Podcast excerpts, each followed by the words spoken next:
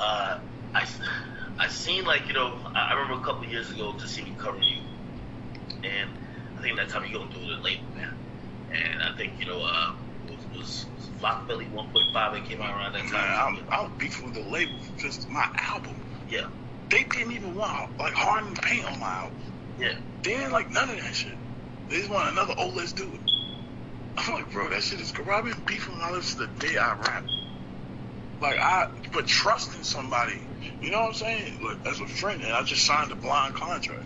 I feel like that made you a better better businessman. And that's the first time I went against my mother too. I swear to God. Really? My mother's like, why don't you sign a fucking paper and let me see? I'm like, nah, I got it. This is, I got this. She like, all right, go ahead. So your mom told you don't. Nah, she's like, hell no. Why, Waka? She's like, no. Why did, why she didn't want you to sign it? Cause I, she got a lawyer to look at it. I was being a real nigga. Like, no, this, this, this my nigga. This my best friend, bro. He he got to be a boss. Like I did that for my nigga to be a boss, and it made him a boss, bro. He surpassed the nigga he was beefing with because he did something the nigga never did was break an artist. And truth be told, did he break me? No, I didn't. But I did it for us to be bigger. That's all. It's all it is always for. It's never for who did what and what did what. I have to tell the truth because I don't want niggas running around thinking nothing. A nigga ain't do shit for me, nobody. But I did it for the cause. I didn't do it for me.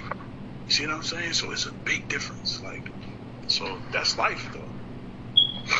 I feel like throughout the years though, like like your business acumen, like you just got sharper, more aware. You started looking at the shit. You, you it, also you just start getting the jug. Like you, you see when, like, you know when something's set up for you to fall into that or sign a bond. Yeah, it's a lack of knowledge. All that shit is lacking knowledge. Even the niggas that think they bosses, they just they just a bigger working bee. You know how you got bees? But you got the big one. Yeah. that's just what you got. And you can have a lot of money and all that shit too. I just, I don't know, man. I'm just not that kind of nigga, bro. Like I'm not, I can't. I ain't speaking in codes. No, I'm not talking about Gucci right now. You're not some nigga.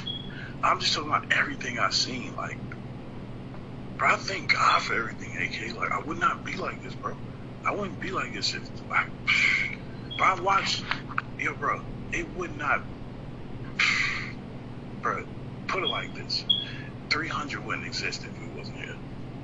The label. Hmm. Uh, if I don't get along with anybody in music, I'll tell you this. Them labels are vicious, man. That's all I can tell y'all. Watch who you come in with, because they'll separate your whole crew to make somebody a villain, to get the prize, so they can take over. What you mean? Like I said, if you don't get it, you ain't got it. I I don't well. I, So I'm just, I'm so, let me try to interpret. For example, if interpret on your own. I'm not going to. well, well, that was just right, good. just in theory. So if a label may have, may see an Put artist it, put, it, put it like this. My mother, I, this is the messiest I ever be in my life. It was me, Nicki, Gucci, Juice, my mother. Nicki go to my mother say, Deb, you don't need nobody but me and Waka. Right? Boom. I watched another figure come around Nicki. Next thing you know, Nicki with her. Matter of fact, French was with us too. I'm for French. Yeah. Uh, Nicki like fuck it. I see I see what's going on. Niggas Nicki seen it like yo, Deb, they coming for you. Like everybody else ain't loyal type shit. Smart smart girl. Nicki like a sister, so fuck with her, you fuck with us. That's how we rock. So I watched a guy by the name of Coach K come over. Mm. Coach is on Jeezy side. How the fuck you coming over here with Gucci? This how I'm thinking, right? But Coach works for the label. We don't know that. He come work with us. Next thing you know, French goes over there with with Nicki. They get lit. That's fire. French did it for his career. It's lit, right, Bo? But for, for niggas to turn around and act like nobody helped y'all niggas or built y'all, you lame as fuck, right? But that's for you though. It's not for me to hate you or nothing. It's just like that's crazy, bro. Much success. Like nobody could claim your fame because you worked for it. So this is not a position of me trying to claim their fame. But it's facts. It's like niggas that do the most unloyal shit to be loyal. It's crazy. Alright? So then I go back to the coach. So next thing you know, Coach and my mother argue. Yo, Debbie ain't. And I learned all this shit later in life. Long story short, how I look at it, I look at it as the label wanted Gooch. Who's the label? Todd Moscow, Joey IE, these guys. I'm, these niggas is, these niggas living off the fame of what my mama built. I'm gonna publicly say this right here.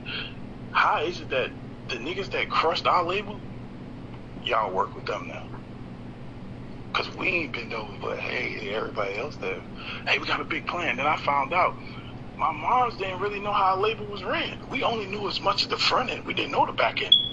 Nobody knew the back end. What you mean the back end? The shit I know right now. I had to learn this because I already knew everything else. So when I learned the back end, I'm like, ah, okay, I see what's going on in music. People was just confused. They played. I used to think Gucci was on Lloyd. Now let me finish the whole story. Now, now I sound like I was hating, but this is the grown version of Waka. Bro, these folks played of all everybody's intelligence and flipped it on somebody. So that's why God let me see the high into Coach K now. I see Coach like Coach was doing business. Why he wasn't hating? This nigga give a fuck. He care about no Gucci or Jeezy. This nigga was doing business. And the day he got somebody that could fuck with him in business, he's gonna mold the real label. You get what I'm saying? So P and Gucci always been friends. Been, been knew that, right? So when he got Gucci and a P, this is somebody that listens. Bro, your position is powerful. My position, I know music is powerful king. So I'm talking like a king now. The walking that was just talking was how I thought. I'm gonna tell you how I graduated. These folks seen business, bro. They took advantage of business. We seen emotion, but we wanted to control it for our people. But sometimes our people don't don't know humble beginnings, bro. When they see that big bag right there, niggas is like, listen, bro, we struggled long enough. Let's we, let's go just do this, y'all. Some people say no, some people say yeah. I thank God for it, because little do they know, bro. And I could talk like this, bro. I'm about to, I could crunch all y'all niggas with money. I guarantee you I could do it right now. When I go buy a building, I don't need no fucking investors. When I go do a label deal, I don't need a major label deal. No, the fuck I don't. I could do that. I could put my nigga on top of five million. I could go sign somebody right now for ten million out my fucking pocket. Walk me today, right now. I don't need no help. I don't have to put on cars, clothes, jewelry, because that's not my swag. I don't know how to look good like that. Nigga, if I knew how to look good like that, I'd be in that shit. But I just don't. It fuck my personality. You know what I'm saying? Not for jury. I love that part. I like cars, but I don't like the stunt in front too much because I know it's a huge army that have to get fed. It has to, King. God put me there to be that. So to see all these people to sum everything I just set up, they all dope, man. They all they, they all had their living experiences. To see Nicki doing what she doing right now, to see Coach P and Gucci doing right now, I could have easily tried to get around Gucci, hang with him, but God didn't want us to go. He got his life, I have mine. I could easily call P and try to be cool with Coach and this and that. I, for what? I done told these niggas about crypto before it popped. I sat and told you some shit before it popped, but people just look at ah, nigga and he talking to me, he fell off, me. He, trying to goddamn do something like this. Whole time I'm making like four hundred thousand a month off this shit.